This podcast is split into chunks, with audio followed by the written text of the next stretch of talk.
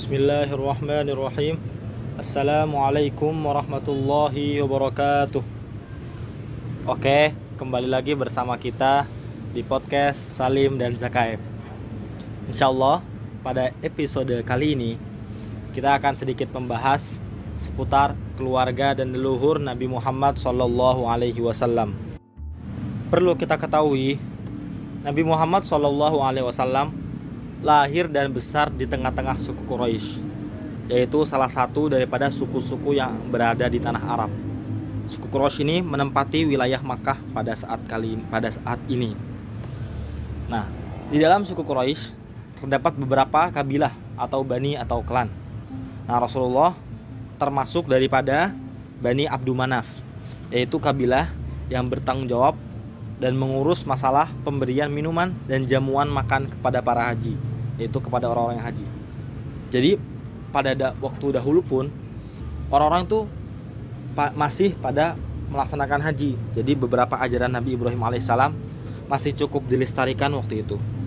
Nah, yang pertama adalah Hashim. Hashim ini adalah buyut Rasulullah SAW dan juga anak dari Abdul Manaf. Jadi namanya Hashim bin Abdul Manaf. Nah Hashim ini adalah orang yang ditunjuk dari Bani Abdul Manaf untuk mengurus masalah pemberian minuman dan jamuan makan kepada para haji. Hashim juga adalah orang yang pertama kali mempelopori dua perjalanan orang-orang Quraisy, yaitu perjalanan pada musim panas dan perjalanan pada musim dingin. Seperti yang kita ketahui, Allah Subhanahu wa taala berfirman dalam surat Quraisy, "Ila fihim wa shaif." Jadi orang-orang Quraisy itu biasa melakukan perjalanan dua kali setahun, yaitu perjalanan dagang pada musim panas dan pada musim dingin. Kalau musim panas mereka berdagang ke Syam, ke Suriah. Kalau pada musim dingin mereka berdagang ke Son'a, ke Yaman. Jadi kalau musim panas ke utara, kalau musim dingin ke selatan. Di antara kisah Hashim adalah dia pernah pergi berdagang ke Syam. Waktu itu beliau transit ke Madinah dan pada saat di Madinah beliau menikah dengan Salma binti Amru, salah seorang gadis dari Bani Amru bin Najjar. Setelah menikah, Hashim tinggal bersama Salma sebentar, kemudian pergi lagi ke Syam untuk melanjutkan perjalanan dagangnya. Sementara itu, Salma tinggal bersama keluarganya dan telah mengandung Abdul Muthalib, yaitu kakek dari Nabi Muhammad SAW. Hashim meninggal di Gaza, di Palestina, dan Salma melahirkan Abdul Muthalib pada tahun 497 Masehi dan menamakannya Syaibah karena di kepalanya terdapat uban. Jadi kan ada tuh beberapa orang yang emang genetiknya dari lahir atau dari kecil sudah punya uban. Nah, Abdul Muthalib ini termasuk orang yang seperti itu. Makanya ibunya yaitu Salma menamai beliau dengan nama Syaibah yaitu yang artinya uban karena emang dari kecil sudah ada uban. Salma pun mulai mendidiknya di rumah bapaknya di Madinah. Sementara itu tidak ada seorang pun dari keluarga Hashim yang ada di Makkah tahu tentang keberadaan Salma dan anaknya yaitu Abdul Muthalib. Karena orang Makkah atau saudara-saudara Hashim taunya Hashim itu pergi untuk berdagang ke Syam. Bukan untuk uh, ke Madinah.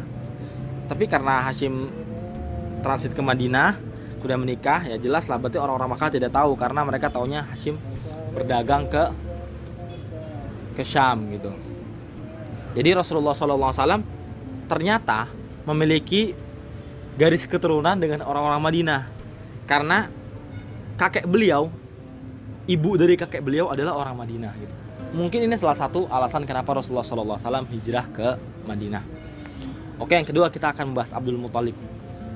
Jadi sepeninggal Hashim, setelah Hashim meninggal, uh, urusan memberi minum dan menjamu para haji beralih ke tangan saudaranya, yaitu Al-Muthalib bin Abdul Manaf.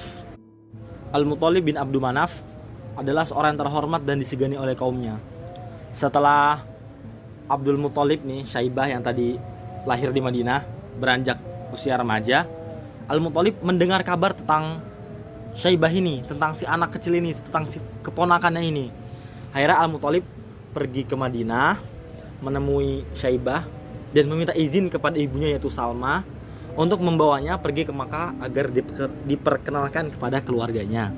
Awalnya Salma menolak, tapi akhirnya Salma berhasil diyakinkan oleh Al Muthalib karena beliau mengaku dirinya sebagai pamannya yaitu ya saudara daripada bapaknya si anak ini gitu kemudian akhirnya Al Muthalib membawa Syaibah ke Makkah nah pada waktu itu orang-orang mengira kalau Syaibah ini adalah budak daripada Muthalib kenapa karena emang budak budak budak pada zaman waktu itu emang rata-rata kebanyakan adalah pemuda pemuda pemuda usia remaja gitu nah, akhirnya makanya ketika Al-Muthalib membawa Syaibah ke Makkah, orang-orang tuh ngiranya kalau Al-Muthalib tuh bawa budak.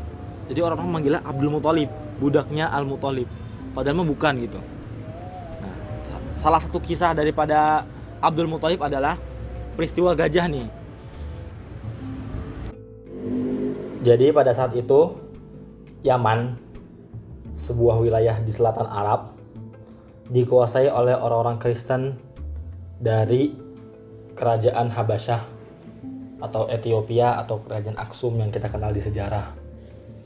Nah, mereka itu orang-orang Yaman ini iri melihat wibawa Makkah di tengah-tengah bangsa Arab.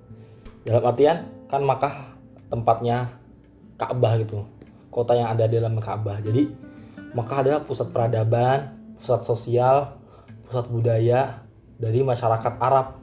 Jadi pusat itu di Mekah orang-orang datang ke Mekah untuk melaksanakan ibadah haji, kemudian mendirikan pasar tahunan di sana. Nah, orang-orang Yaman ini ingin menyaingi hegemoni Makkah gitu. Jadi mereka membuat sebuah gereja. Kan kebetulan mereka orang Kristen, jadi mereka buat gereja. Gereja besar, megah. Berharap dapat mengalahkan wibawa Ka'bah. Jadi orang-orang Arab akan datangnya ke, ke Yaman, bukan ke Mekah. Tapi kemudian berita tersebut tersebar di tengah-tengah orang-orang Arab.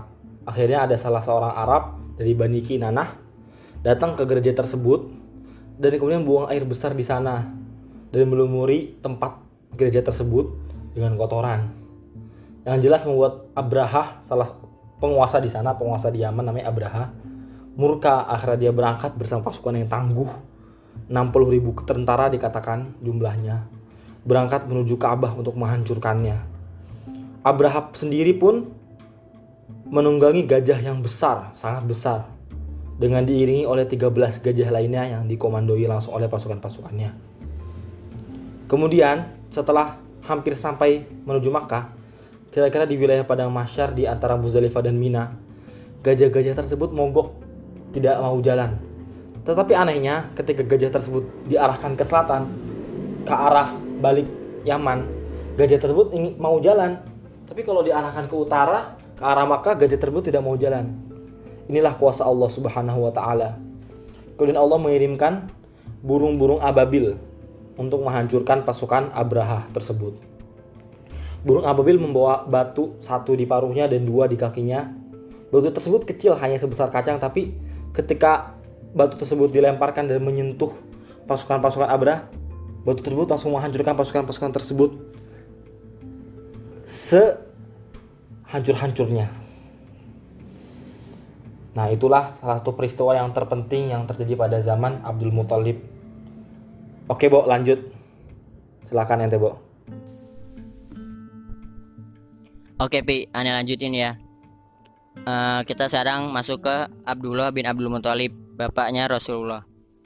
Abdullah ini anak Abdul Muthalib yang paling dicintai sama Abdul Muthalib Terus Abdullah ini adalah anak Abdul Muthalib yang dapat undian disembelih. Jadi waktu itu ada ceritanya uh, Abdul Muthalib bernazar. Makanya Nabi Shallallahu Alaihi Wasallam pernah bersabda, Aku adalah anak dua orang yang disembelih. Maksudnya adalah Ismail alaihi salam dan Abdullah. Abdullah menikah dengan Aminah binti Wahab. Suatu saat Abdullah pernah diutus oleh Abdul Muthalib ke Madinah untuk mengurus kurma dan Abdullah meninggal di sana. Ada juga yang mengatakan Abdullah pergi berdagang ke Syam. Pas singgah di Madinah, beliau lagi sakit dan meninggal di sana lalu dikuburkan di Darun Nabi Goh Al-Jadi. Saat itu umur Abdullah 25 tahun. Mayoritas pakar sejarah mengatakan Abdullah ini meninggal sebelum Rasulullah lahir, tapi ada juga yang mengatakan dua bulan setelah kelahiran Rasulullah. Lanjut ke Aminah, ibunda Rasulullah. Aminah binti Wahab bin Abdi Manaf bin Zuhroh bin Kilab. Aminah ini seorang wanita terpandang di kalangan Quraisy saat itu. Bapaknya adalah seorang pemuka Bani Zuhroh. Aminah wafat ketika Rasulullah berumur 6 tahun. Jadi ceritanya waktu itu Aminah ingin ziarah mau mau pergi ziarah ke makam suaminya di Madinah yang dulu masih namanya Yastrib. Jadi Madinah itu dulu namanya Yastrib bersama uh, Nabi Muhammad kecil dan Ummu Aiman pembantu wanitanya. Pembantu wanita peninggalan uh, Abdullah bin Abdul Muthalib. Nama aslinya Barokah. Setelah sebulan menetap di Madinah, Aminah bersama rombongannya pulang ke Mekah. Saat perjalanan pulang ini, Aminah jatuh sakit lalu wafat di Abwa dan dikuburkan di sana. Suatu daerah antara Makkah dan Madinah. Abwa ini ada di antara Makkah dan Madinah. Oke, Pi. Mungkin segitu dari kita. Kita cukupkan materinya hari ini. Kurang lebihnya mohon maaf. Wassalamualaikum warahmatullahi wabarakatuh.